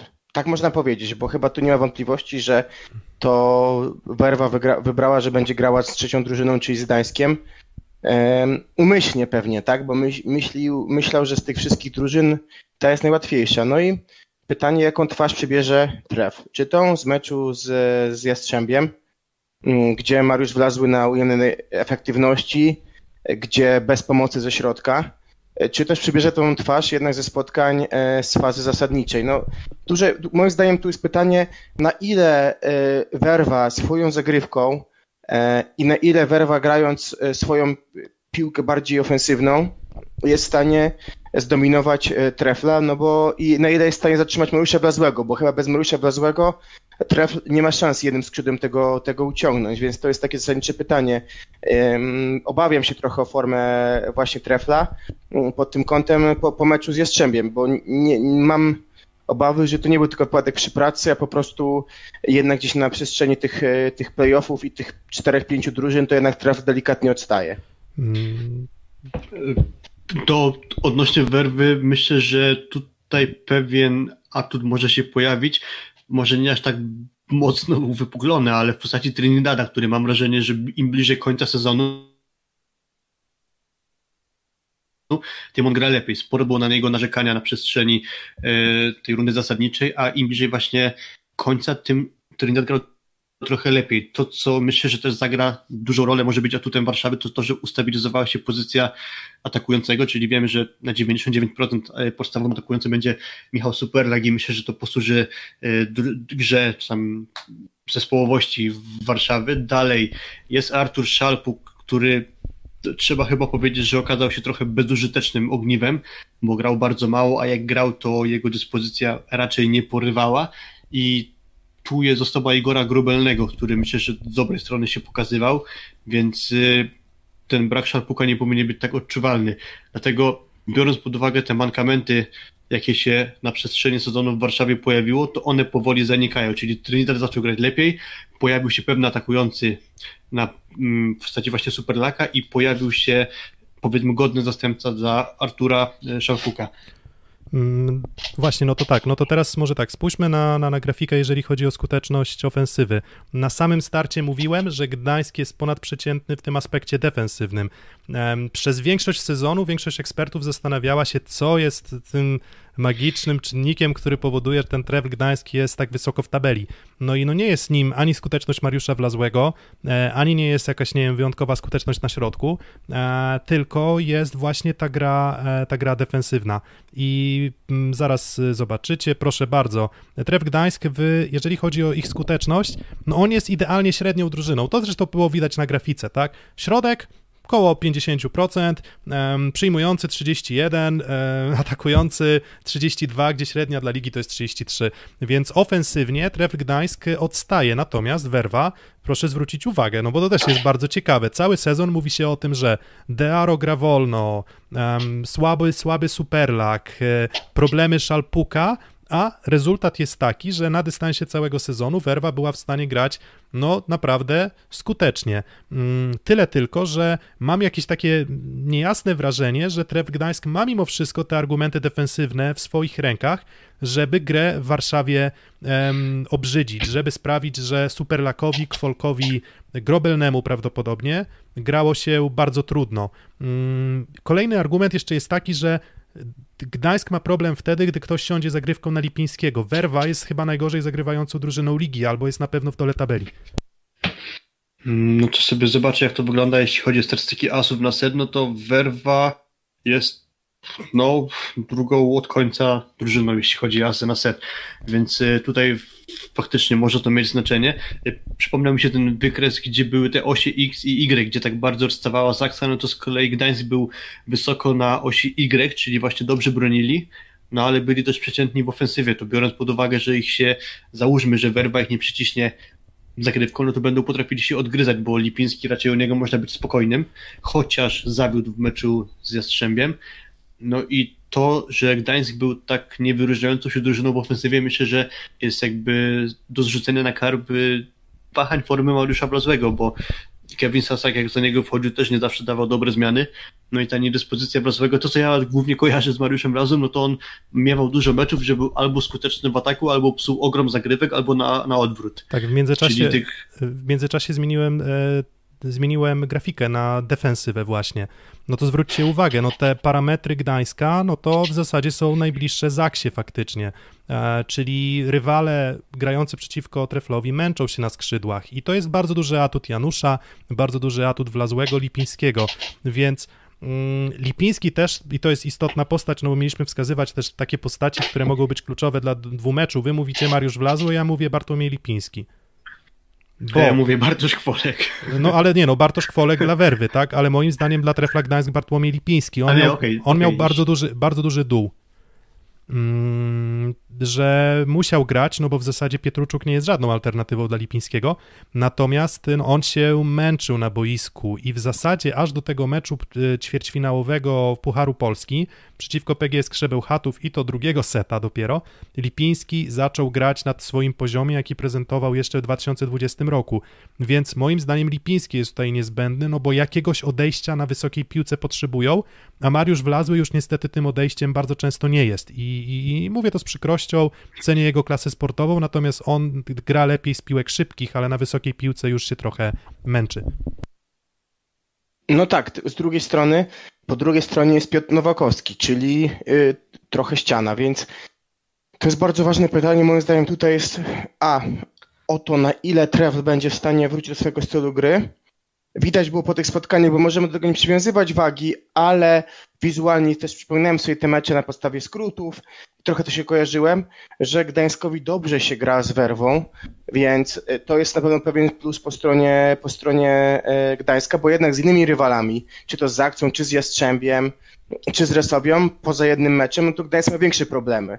Więc tutaj chyba jest nadzieja dla Gdańska po tym, że ich i- i g- styl gry werwy im pasuje. Z drugiej strony, mówię, bez Wlazłego Gdańsk nie pójdzie dalej, wydaje mi się, bez jednego skrzydła. I teraz pytanie, czy będzie wiara w Sasaka, mm, albo czy też Mariusz po prostu grając w swojej hali e, pierwsze spotkanie po prostu w ten mecz wejdzie dobrze i, i będzie tę grę ciągnął, bo e, blok Kwolka niezły, blok Grobelnego też nie najgorszy, także no wydaje mi się tutaj, że też tak łatwo mu nie będzie atakować. Mm, Ale, ale akurat jeżeli gdzieś w defensywie miałbym szukać, no to chyba trudniej atakuje się przez Superlaka i Dearo. Tak, tak, tak coś mi się wydaje, ale, ale, ale tak, no to, to wtedy byłoby to na plus z kolei dla Lipińskiego i Reicherta. Mhm. Sprawdziłem sobie statystyki tych meczów właśnie między Gdańskiem i, i Werbą właśnie, no to obu tych meczach dobrze zagrali w ataku i Lipiński i Wlazły, także to może być jakiś prognostyk tego, co możemy się spodziewać, czyli możemy gdzieś tam z pewną nieśmiałością założyć, że Lipiński i Wlazły dobrze zagrają. Mm, No tak, no A więc... to jeszcze problemy Werby na pewno. Na podstawie ten, na podstawie myślę e, bardzo szczątkowych informacji, e, więc wiesz, te dwa mecze jeszcze mogą nie być, nie być reprezentatywne, ja się przy tym upieram. No dobra, no ale to cóż, przechodzimy do, do, do typowania, więc mecz może się, znaczy mecz może być e, bardzo mocno oparty na defensywie.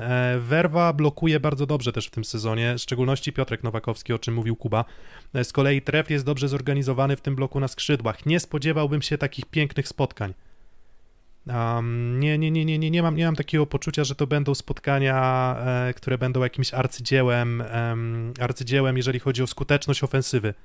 bo, bo, bo, bo, bo też to nie są drużyny, które pomimo nawet tych statystyk, które pokazywałem werwy, ja mimo wszystko mam poczucie, że to jest drużyna, którą można zatrzymać blokiem, można zatrzymać też e, agresywną zagrywką. Na wysokiej piłce mogą mieć e, mogą mieć swoje, mogą mieć swoje problemy. Mm, no ale znowu, no Bartosz Kwolek, tak, no lider niekwestionowany, on też dźwignął się bardzo mocno. Bartosz Kwolek i Bartłomiej Lipiński, obaj mieli jakieś tam dołki swoje w tym sezonie, ale byli w stanie dźwignąć się na, na, na poziom taki, że że, że, że no, bardzo chciałbym, żeby oni zagrali na najwyższym poziomie, no bo moim zdaniem oni są takim papierkiem lakmusowym e, całych zespołów. Tak, w tych poprzednich meczach nie miałem takiego wrażenia, że w poprzednich jakby omawianych parach ćwierćfinałowych nie miałem wrażenia, że są to pary wyrównane. Tak tutaj już wchodzimy w te y, dwie pozostałe, czyli ta omawiana teraz jest ta kolejna, gdzie już myślę, że jest najbardziej 50 na 50 dla mnie. I przyznam szczerze, że tak, zgodzę się, że to raczej nie będą ładne mecze. Będą to mecze oparte na dobrej grze obronnej i jest mi bardzo trudno wskazać faworyta i dobrze tu argumentować. Mhm. E, z jakiegoś powodu w sumie ciekawi mnie, dlaczego Anastazji oddał mecz z Zaksą, czyli postawił na Kwolka, na Libero, e, tam jeszcze parę innych tych roszad zrobił. Coś widział, czego my pewnie nie widzimy, że będzie mu z jakiegoś powodu łatwiej grać z Gdańskiem, a nie z innym zespołem. Jest tu jakiś zamysł, ale na pewno to, to nie będzie tak, że to będzie łatwy mecz dla, yy, dla Werwy. A... Hmm. No Powiem... właśnie, no właśnie. I teraz no wiesz, właśnie. i teraz, I, musisz, jest... i teraz musimy się wykazać wyczuciem, intuicją, bo, bo, bo, bo po tak, prostu... Tak, ja, ja szczerze mówię, dla mnie to będzie bardziej intuicja niż yy, gdzieś poukładane w głowie warianty taktyczno-techniczne, które będą przeważać za którąś drużyną. Ja myślę, że awansuje Trefl, ale jak to będzie wyglądać, to nie wiem. Myślę, że to będzie najbardziej zacięty ćwierćfinał i awansuje Trefl. Mm, dobra, coś widzę, że coś tam znowu kółeczko się kręci, więc mamy nadzieję, że, że nie ma jakiegoś dużego problemu z, mm, z, z, z live'em, więc dawajcie znać, jeżeli coś tam się znowu przycina.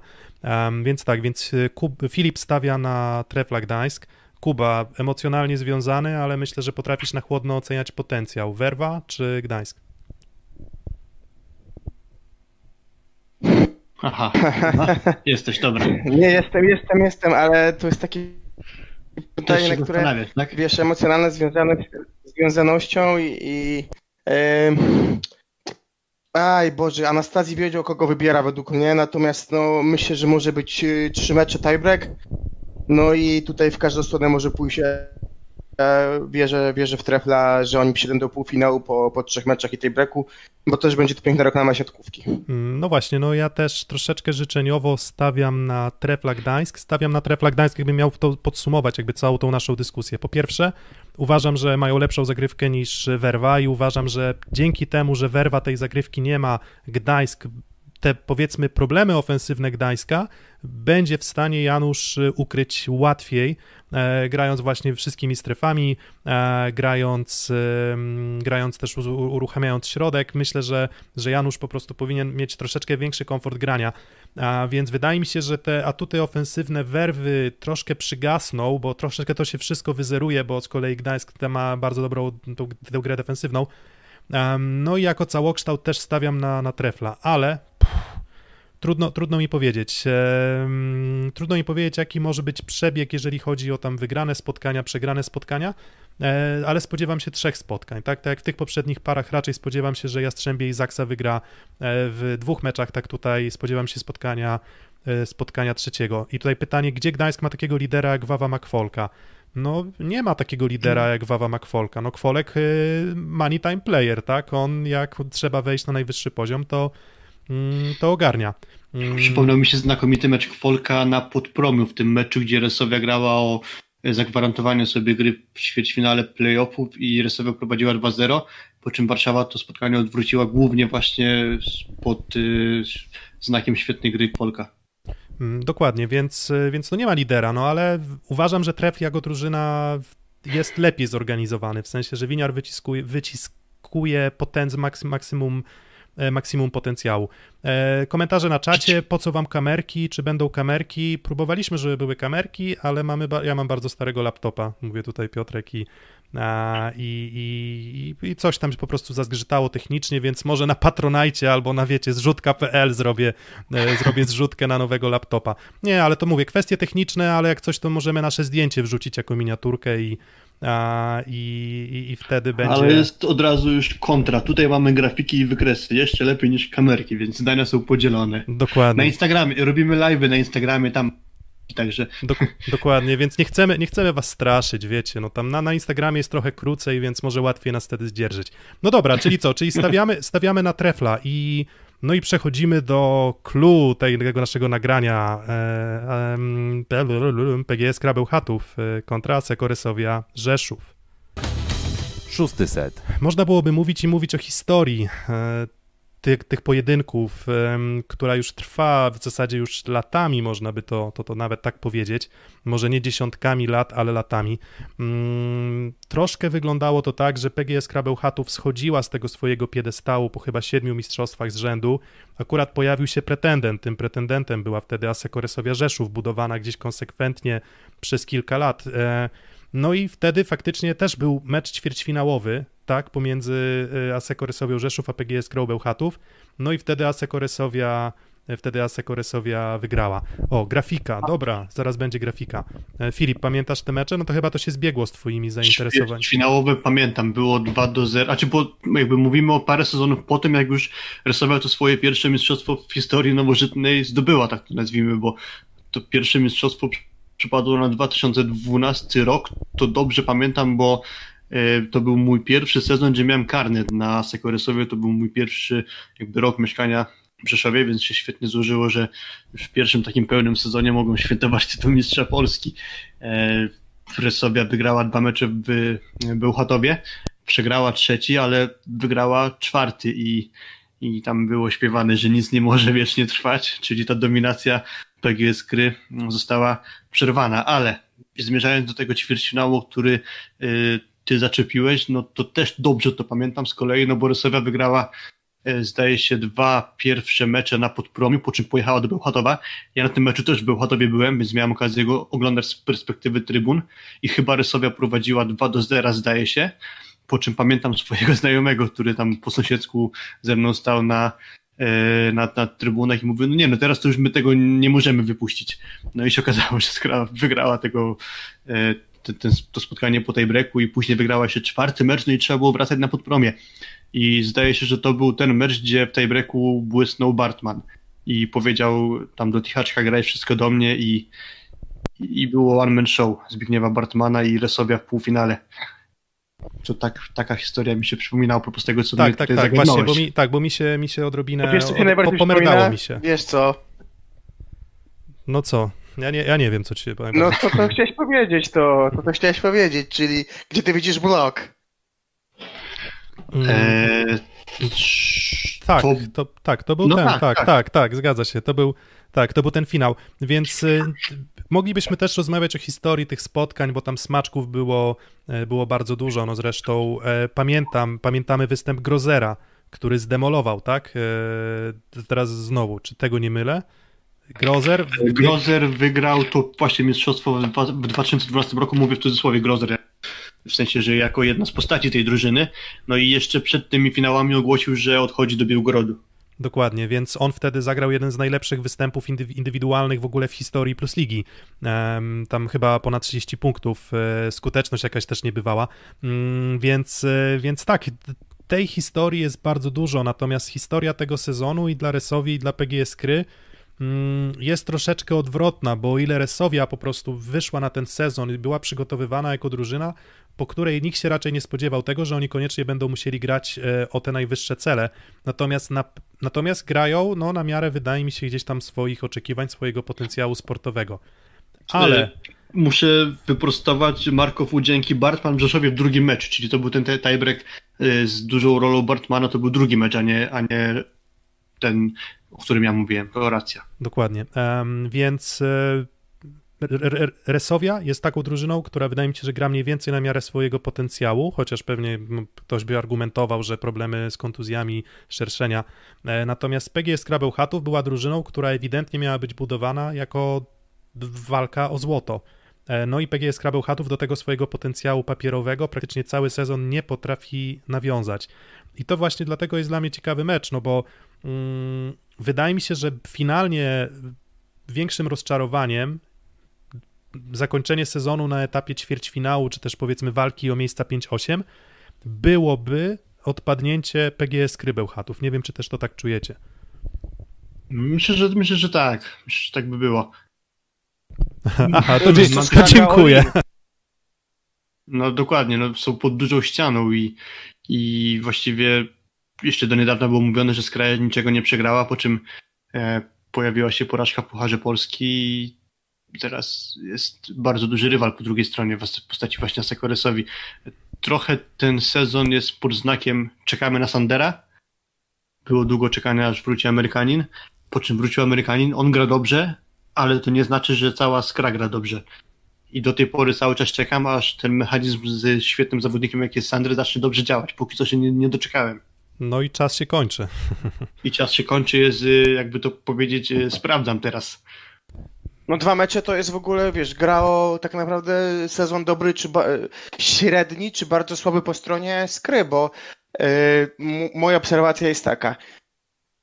Był mecz yy, bez Sandera z Werwą. Yy, Katic i Ebadipur zagrali nieźle. Pytanie, na ile grała Werwa na serio. I mam taką obserwację, że Sander gra bardzo fajnie, jeżeli chodzi o liczby, to pewnie pokażesz, jeżeli chodzi o przyjmujących ale gdzieś męczy się moim zdaniem ta konfiguracja. I teraz ciekawy jestem bardzo e, tego, jak personalnie wyjdzie Mieszko. Mm, jestem też bardzo ciekawy tego, jakie drużyny zniosą presję, bo mimo wszystko, mimo że Resowia mniej musi niż e, Skra i tym się absolutnie zgadzam, bo Skra e, jest na fali, Resowia jest na fali znoszącej, przedłużony kontrakt z Julianim, widać, że ten projekt się w miarę układa, no to apetyt rośnie w miarę jedzenia. No tak. No, no i Resowia momentami wyglądała na drugą, trzecią siłę, tak, ligi, więc pewnie tam apetyt na medal już jest i przede wszystkim na, na powrót Ligi Mistrzów na podpromie, a to daje bodajże brąz, prawda? Brąz daje Ligę Mistrzów. No tak, no myślę, że kilku zawodników, którzy w tym sezonie grają w Lidze Mistrzów i prawdopodobnie zagrają w, w Resowi w kolejnym sezonie, też by chciało kontynuować te, te zmagania przeciwko najlepszym e, drużynom klubowym w Europie. Mm, więc pytanie, mówimy wiele... wiele pytanie, mówi... czy Szerszeń już zdrowy grał w sparingu z Suwałkami, więc myślę, że tak. Grał też tekst, znakomicie się prezentował. No i grali też w sumie wszyscy pozostali zawodnicy, a Sekoresowi nawet Parodi się pojawił na boisku, więc sądzę, że tutaj będzie komplet graczy do dyspozycji Giulianiego. Dokładnie. Szykuje się bardzo emocjonujący mecz, natomiast pytanie brzmi, czy to będzie mecz na, na bardzo wysokim poziomie. Mm, zarówno PGS Krabełchatów, jak i Aseko Resowia Rzeszów mają swoje argumenty na zagrywce. Są w czołówce, jeśli chodzi o mm, liczbę asów na set, są w czołówce, jeśli chodzi o to, do jakiego przyjęcia zmuszają, zmuszają swoich rywali. Mm, znowu, te dwa mecze też trochę pokazały w, w fazie zasadniczej ten 2 do 3, ten tiebreak, pod którego chyba Resowia zaczęła rosnąć psychicznie, mentalnie, e, bo, bo jakby to był ten taki zaczyn, ty to wspominałeś, że e, użyłeś takiego określenia chyba z, mm, ze stand-upu, prawda, Filip? Resowia mm, przy, jak to, aha, chodziło o tego, tego grubego kotleta, że tak, przybiła na sobie stempel bycia grubym kotletem. Dokładnie i wydaje mi się, że to był mecz, w którym mentalnie Resowia wygląda lepiej. Ogólnie jako drużyna Resowia wygląda lepiej. Mm, no tyle tylko, że właśnie, no pytanie, czy właśnie, czy można mówić o, o tym meczu jako o starciu Sander kontra Butryn? Um, oczywiście nie wiemy, w jakim stanie zdrowia jest Sander. Znaczy, może coś tam wiemy, ale nie będziemy zdradzać. Um, no już jutro się okaże wszystko, tak, tak jutro, nie ma co wyprzedzać faktów. Tak, jutro, jutro się okaże, więc y, jeżeli Sander nie będzie zdrowy, no to ta rywalizacja no, zdecydowanego faworyta moim zdaniem w postaci Asekoresowi jednak będzie miała. Tylko moje zdanie jest takie, że nawet przy dobrze dysponowanym Sanderze skrajnie wyglądała do tej pory dobrze jako zespół. Mm, no... Więc y, będzie dobrze grający Sander, nawet jeśli będzie, to trochę mi zabraknie tej jakby zespołowości, czyli dodatkowych atutów oprócz, y, oprócz y, Sandera. W Resowi jest Butryn, który myślę, że jest pewniakiem i wielokrotnie to udowadniał i jest jeszcze tam sporo takich aspektów do dodania, które mogą tę rywalizację przesądzić, no bo chociażby właśnie, Cebuli... Właśnie, to... I... Muszę, muszę to pokazać. Tak, i tak dobrze grał w tym sezonie, no to okej, okay, to, to szukaj, a, tak, muszę... a ja wykorzystam tylko na koniec, y, dokończę swoje zdanie, czyli Czebuli uważam, że może grać jeszcze lepiej niż się prezentował przez większą część tego sezonu to będzie ważne ogniwo. Do tego cały czas starałem się powtarzać, że Resowe najmocniejsza będzie z Szerszeniem i obstawiam, że w tym mm, meczu z Skrow Szerszeń będzie mógł grać, przynajmniej tak wnioskuję po tym, że grał z Suwałkami, a do tego świetnie dysponowany jest Techt, więc y, obudowa Butryna jest dużo większa niż obudowa Sandera w skrze. Tak, spójrzcie na, na teraz na tą grafikę. W ostatnich 10 kolejkach Karol Butryn osiągnął efektywność ataku na poziomie 45%, czyli w zasadzie jeżeli średnia to jest 34, no to możecie sobie wyobrazić, to widać wizualnie, ale tylko po prostu pragnę uzmysłowić wszystkim, jaka to jest przepaść nad pozostałymi atakującymi w ostatnich tam powiedzmy półtora, dwóch miesiącach e, rozgrywek plus ligi. Ale jak spojrzymy z kolei na PGS Krebełchatów, no to przyjmujący, czyli właśnie osoba Taylora Sandera, sprawiła, że z kolei PGS Kra doskonale radzi sobie właśnie na, na skrzydle lewym. Tyle tylko, że moim zdaniem i Butryn, i Sander są takimi dobrymi przykładami na, tak, na potwierdzenie tezy, która mówi, że jeden zawodnik nie sprawi, że drużyna jako cały system będzie działała bardzo dobrze. Moim zdaniem musisz mieć ryzyko i musisz mieć wysoką skuteczność tak naprawdę z każdej strefy. Coś, czego moim zdaniem brakuje Asekoresowi w tym sezonie, to jest jednak to lewe skrzydło. Wynikało to oczywiście z kontuzji Buszka, znaczy, przepraszam, z kontuzji Szerszenia i z tego, że często grał Buszek, nie było alternatywy w postaci Techta, natomiast tutaj widzę problem Asekoresowi Rzeszów, lewe skrzydło. Z kolei e, problem e, PGS Krybełchatów, no to to jest to jednak prawe skrzydło na dystansie całego sezonu. Ani Petkowicz, ani Filipiak nie dowożą, chociaż Petkowicz akurat formę ma rosnącą, co do tego, co do tego nie mam wątpliwości. wspólny obu meczów w Rysowi ze Skrą, y, fatalnie grali obaj atakujący i w pierwszym meczu i w drugim meczu tych zespołów. Mm. Tak, a chciałem powiedzieć, że mogą być dwie bardzo ciekawe postacie, wydaje mi się, bo e, Rus Petkowicz i rośnie Techt. I teraz Techt super wyglądał z e, ślub z suwałkami, jeżeli chodzi o sparingi. Jestem teraz ciekaw, czy postawi jednak na sprawdzoną bardziej parę szerszeń e, Czebul, gdzie gra jest bardziej zbilansowana, czy szansę dostanie Techt widzącego rosnącą formę, bo to mogą być takie dwa bardzo ciekawe tutaj punkty, które te... mogą dużo, dużo dać. No. Jestem też ciekawy, bo wydaje mi się, że bez, bez Sandera będzie grał więcej Petkowicz e, i mu to pasuje, jeżeli chodzi o styl gry. No właśnie, Więc tego ale... jestem bardzo ciekaw. Właśnie Kuba, ale wchodzisz z Techtem i Czebuliem, no to nie chcesz mieć Dżendryka na boisku? Nie, że Dżendryk jakoś mnie zachwyca w tym sezonie, ale niestety wymusza to, że... No nie, wyjdziesz wtedy, nie wiem, He- Heinem albo, albo Królickim chyba, bo, bo gdzieś e, wydaje mi się, że on jest, e, tam jest najmniejsza różnica w tej sytuacji, tak? E, To znaczy, no Jendryk e, ma, wiem, że blok lubię jeśli chodzi o taki- środek, jest ok. Moim zdaniem Jędrek po prostu nie robi aż takiej różnicy, żeby było go jakoś bardziej żal, jakkolwiek to zabrzmi. Mm, Wiecie co, tak, ale z drugiej strony, no myślę, że on mógłby się przydać e, też warunkami fizycznymi, no chyba najlepsze ma te warunki ze wszystkich środkowych, tych powiedzmy drugich, no bo ta mema też myślę, że, że akurat prezentuje się, jeżeli chodzi o powiedzmy też zasięg czy, czy, czy, czy skoczność, bardzo dobrze, E, ale jeżeli chodzi o, o samego Dżendryka, no to myślę, że on mógłby się przydać w starciu jeden na jeden z Bieńkiem, Kłosem czy Huberem. No ale pytanie, co chcesz uzyskać, tak?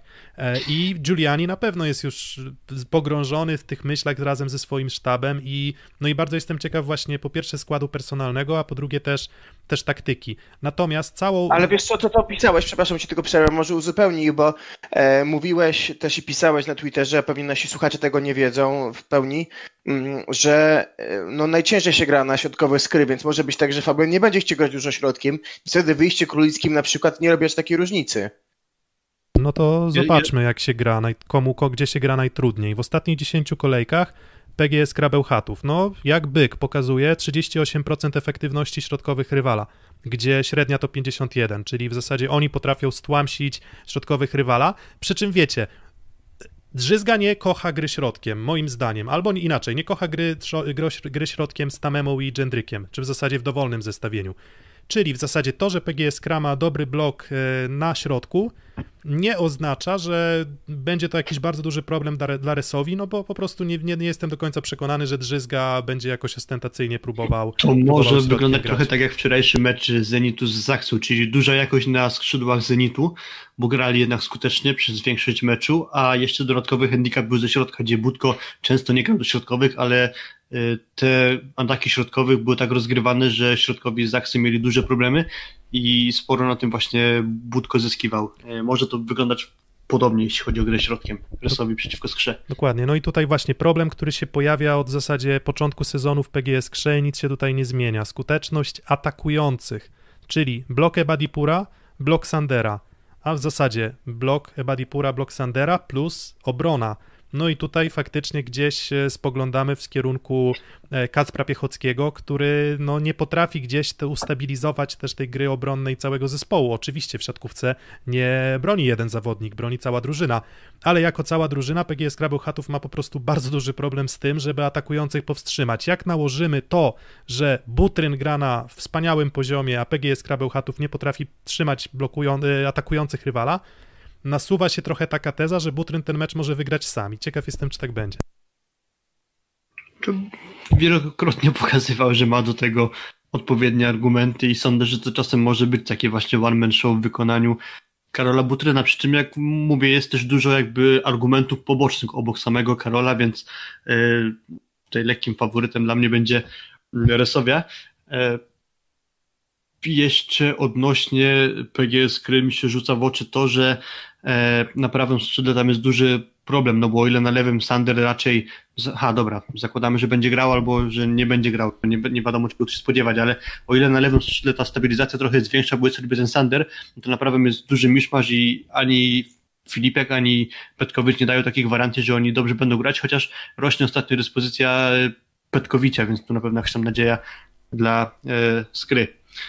No tak, natomiast, natomiast mówię, e, wydaje mi się, że Resowi mogłoby się trudniej grać przeciwko takim, takiej drużynie właśnie jak Zaksa, co pokazała gdzieś w, w tych meczach e, przegranych, e, przy, przeciwko takiej drużynie jak Trefl, gdzie tam było 2 do 3.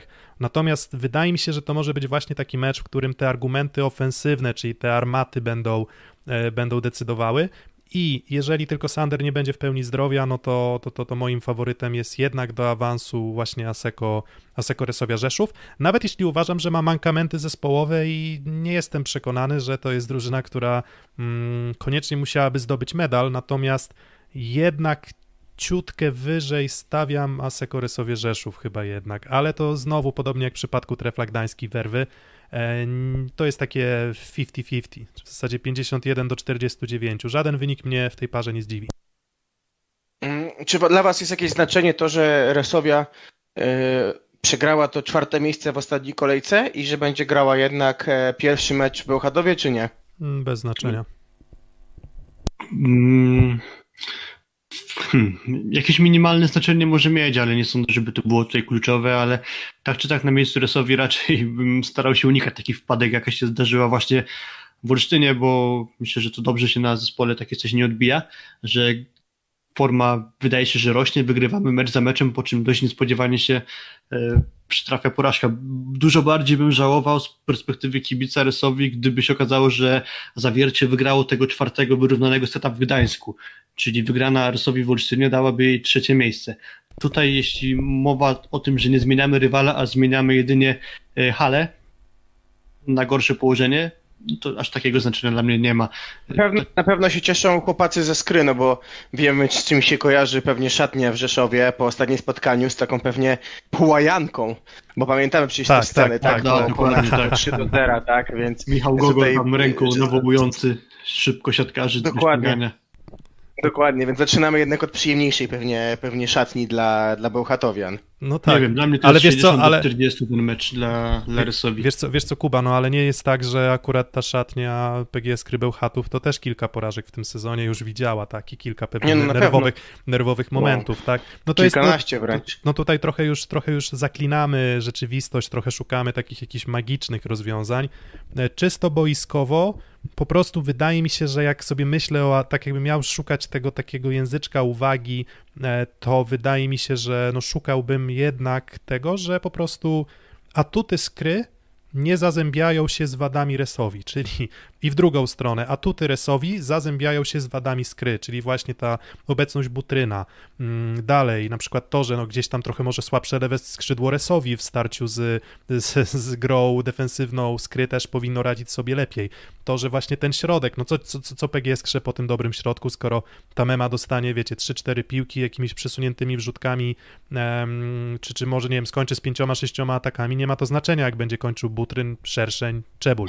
Um, więc dlatego właśnie stawiam na Sekoresowie Rzeszów, natomiast zupełnie szczerze, no zagrywka też tutaj może decydować. To jest, wiecie, to moglibyśmy też to jako jakiś taki dżingielek puścić, ale, ale, ale zagrywka, no w siatkówce nie, jak zagrywasz, to inaczej, jak jest duża dysproporcja w poziomie zagrywki, to ciężko jest to utrzymać.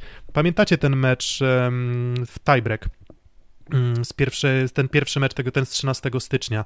Dwa sety Resowia zagrywała perfekcyjnie. Wszystko, wszystko siadło, kończy się mecz do 17, znaczy kończą się sety do 17, do 16, jak na grafice zresztą widać, E, a potem mówimy, nie no, to nie może się odwrócić, a się odwraca i potem PGS Kra zaczyna uderzać mocno i wygrywa dwa kolejne sety, no a potem w tiebreaku znowu gdzieś tam ta przewaga poszła w kierunku Resowi. Em, więc y, jako, że zagrywkę traktuję jako cechę bardzo taką rozchwianą, jeżeli chodzi o charakterystykę drużyn, to, to, to, to, to, to, to staram się ją wyłączyć trochę z tej analizy jednak inne atuty i więcej atutów widzę po stronie, po stronie Resowi w innych aspektach niż zagrywce. W tym meczu jeszcze teraz Plus przyjęcie oczywiście. W tym meczu jeszcze teraz sprawdziłem właśnie, o którym ty mówisz, czyli zakończonym dopiero w tej breaku grał Rafał Buszek, że e, Resowia tam personalnie była nie najmocniej dysponowana, o którym tutaj przepraszam, bo zapomniałem, Rafał Buszek w tych sparingach z Suwałkami nie grał. Więc tylko doprecyzuję. powiedzcie mi, wyjdzie, wyjdzie Hubert czy Kłos? Kłos Bieniek moim zdaniem. Tak, zdecydowanie częściej ta para występuje, chociaż osobiście miewam dosyć często tak, że tego nie rozumiem. Wydaje mi się, że Huber powinien grać po prostu więcej, no ale na podstawie historii tego sezonu sądzę, że będzie grał głos z Bieńkiem. Mm, No właśnie, no dobra, no to, no to ja już swoi, ja ze swoimi typami się wychyliłem. E, Nieznaczną... Ja przedtem, nie- ja przedtem powiedziałem, że 60 do 40 dla Okej, Rysowi, Tak. e, tylko nie wiem jeszcze jak to poukładać, jeśli chodzi o przebieg tej rywalizacji. Ja myślę, że oba mecze wygra Rysowie. Jutro będzie 3 do 1 dla Rysowi i w rewanżu 3 do 1 dla Rysowi, tak sobie wytypuję, Mówisz, że ale procentowo 60 do 40. mówisz, przybywam z przyszłości. już, już, pozna, już poznałem wyniki tych dwóch spotkań, tak? Tak, Stawiajcie, jutro, mam plany na wieczór, nie będę mógł oglądać, więc wyciągnąłem kryształową kulę i Tak. sprawdziłem. stawia, nie, no, żartuję, nie- nie stawiajcie, wiem. tak, stawiajcie domy. 40% ale jak to się rozłoży w meczach, to nie mam pomysłu. Stawiajcie Bookmachera domy. A swoją drogą, ktoś kursy patrzył, jak to wygląda mniej więcej na, te, na ten dwumecz? Czy, czy na awans? Ja kompletnie nie sprawdzałem. To jak chcesz, to powiem. Eee, już teraz już mówię. A najpierw może powiem swój typ. Myślę, że też to będą. Ja bym chciał, żeby wszędzie były trzy mecze. Ja trochę jestem marzycielem. Eee, I bym chciał, żeby wszędzie były trzy mecze. Liczy się sport i Eee, dobra ale myślę, zabawa. że Resowia przejdzie, będąc szczerym. Przejdzie Resowia. Mm, No właśnie, no ale Kursy. Kursy masz czy nie masz? Tak, uwaga. 1,60 y, Skra, 2,30 Resowia. Na, Ale na awans czy pierwszy na mecz. wygraną jutro? Jutro na wygraną, a na awans No to pewnie, podo- Eee, pewnie podobnie jest nie gra. ma. Ale, ale myślę, że no jeżeli pierwszy mecz w, taki, w takim dobra, 1, 6, 2 i 3, no dobra, no ale cóż, no to kursy bukmacherskie. Em, uważam, że są bardzo dobrym wskaźnikiem e, oceny potencjału, no jeżeli pieniądze A są ja w tu nie grze, zgadzam, jakby nie, nie zgadzam się z tym. Uważam, Nie, że często te kursy myślę, że macherzy są- często, często przestrzelają Tak. kursami bardzo, tak mi się wydaje. Się. No dobra, no to właśnie, staw, ja bym stawiał domy 2,70 na resowie kumulacja. No dobra, czyli tak, czyli podsumowując te nasze ćwierćfinały, Jakbym miał domy, to bym postawił. Tak, buki nie umieją w siatkówkę. No właśnie, no jakbyśmy, no dobra. E, podsumowując te nasze wypociny o, wypociny, mm, naszą wspaniałą gadkę. Mm, Zaksa kontra Ślepsmalów Suwałki, tutaj stawiamy na Zaksę w dwóch meczach. Jastrzębski Węgiel z Zawierciem em, stawiamy na Jastrzębie, ale tutaj już się różnimy w ocenie tego, czy dwa mecze, czy trzy mecze. Mm, Kto tam jeszcze dalej? Oczywiście Trefl Gdańsk z Werwą Warszawa, Orlen Paliwa, no to tutaj stawiamy na Gdańsk. Tutaj chyba nam najbliżej do trzech meczów zdaje się, Tak, tak? Tutaj, tutaj chyba wszyscy stawiamy na trzy mecze, natomiast jeżeli chodzi o PGS Krebełchatów za Sekorysowią Rzeszów, to no to myślę, że wiecie, nagadaliśmy się, a na końcu e, rzut monetą Decyduje tam... jedna piłka Kochanowskiego i jedna piłka Dżendryka, Zale- jedna piłka Gładyra i Dokładnie. jedna piłka Nowakowskiego. No właśnie, więc ale, ale jeżeli, jeżeli, jeżeli będą to aż tak zacięte playoffy, no to myślę, że tym lepiej dla nas, e, dla nas wszystkich. Dobra, 19.58, wyrobiliśmy się w półtorej godziny. Mamy nadzieję, że słuchało się dobrze. Tradycyjnie, jak jeszcze nie daliście suba, saba, suba, chyba suba, jest tak jakoś przyjęta forma. Jeżeli nie daliście suba, E, Dzisiaj Radom czy dzwoneczka, Lubin? a, No tak, za pół godziny startujemy z tym meczem. szybciutko. A właśnie, a to już wiem, Filip, dlaczego chciałeś szybciej skończyć live'a, bo już pewnie się ustawiłeś na mieście, żeby obejrzeć tę walkę zaciętą o miejsce 11-12. Słyszę, słyszę, jak mi popcorn z mikrofonu strzela. Nie, nie, nie. Znaczy, E, Dzisiaj Lubin, dzisiaj Lubin. Lubin, Lubin, Lubin, Lubin jest lepszą, e, Lubin jest po prostu moim zdaniem lepszą drużyną od, od, od Radomia i uważam, że też zasługują na to, żeby to miejsce wyżej, wyżej w tabeli zająć. E, Olsztyn, Katowice? Mm, Olsztyn, Olsztyn. Chciałem powiedzieć, awansuje. Olsztyn y, wygra te rywalizacje i tak samo zgadzam się, że Lubin. Spodobała mi się, znaczy czy spodobała mi się tak z przymrużeniem oka, spodobała mi się wypowiedź Damiana Szulca, który mówił, że czego się spodziewa po tym dwumeczu. To mówi, mam nadzieję na 10 setów i złotego seta, który rozstrzygnie o wszystkim. No ja bym wolał, żeby to było 6 setów i wszystkie dla Olsztyna na zakończenie sezonu, żeby trochę humory poprawić. E, no ale cóż, no każdy ma jakieś tam swoje marzenia, ale ale, ale to już są takie mecze, o których nawet specjalnie nie, nie, nie, nie, nie, na które nie chcieliśmy poświęcać czasu, no bo były ważniejsze. Dobra, dajcie lajka, jeżeli jeszcze nie daliście. Widzimy, że transmisji jest więcej niż lajków, więc tutaj jeszcze powinno więcej polecieć.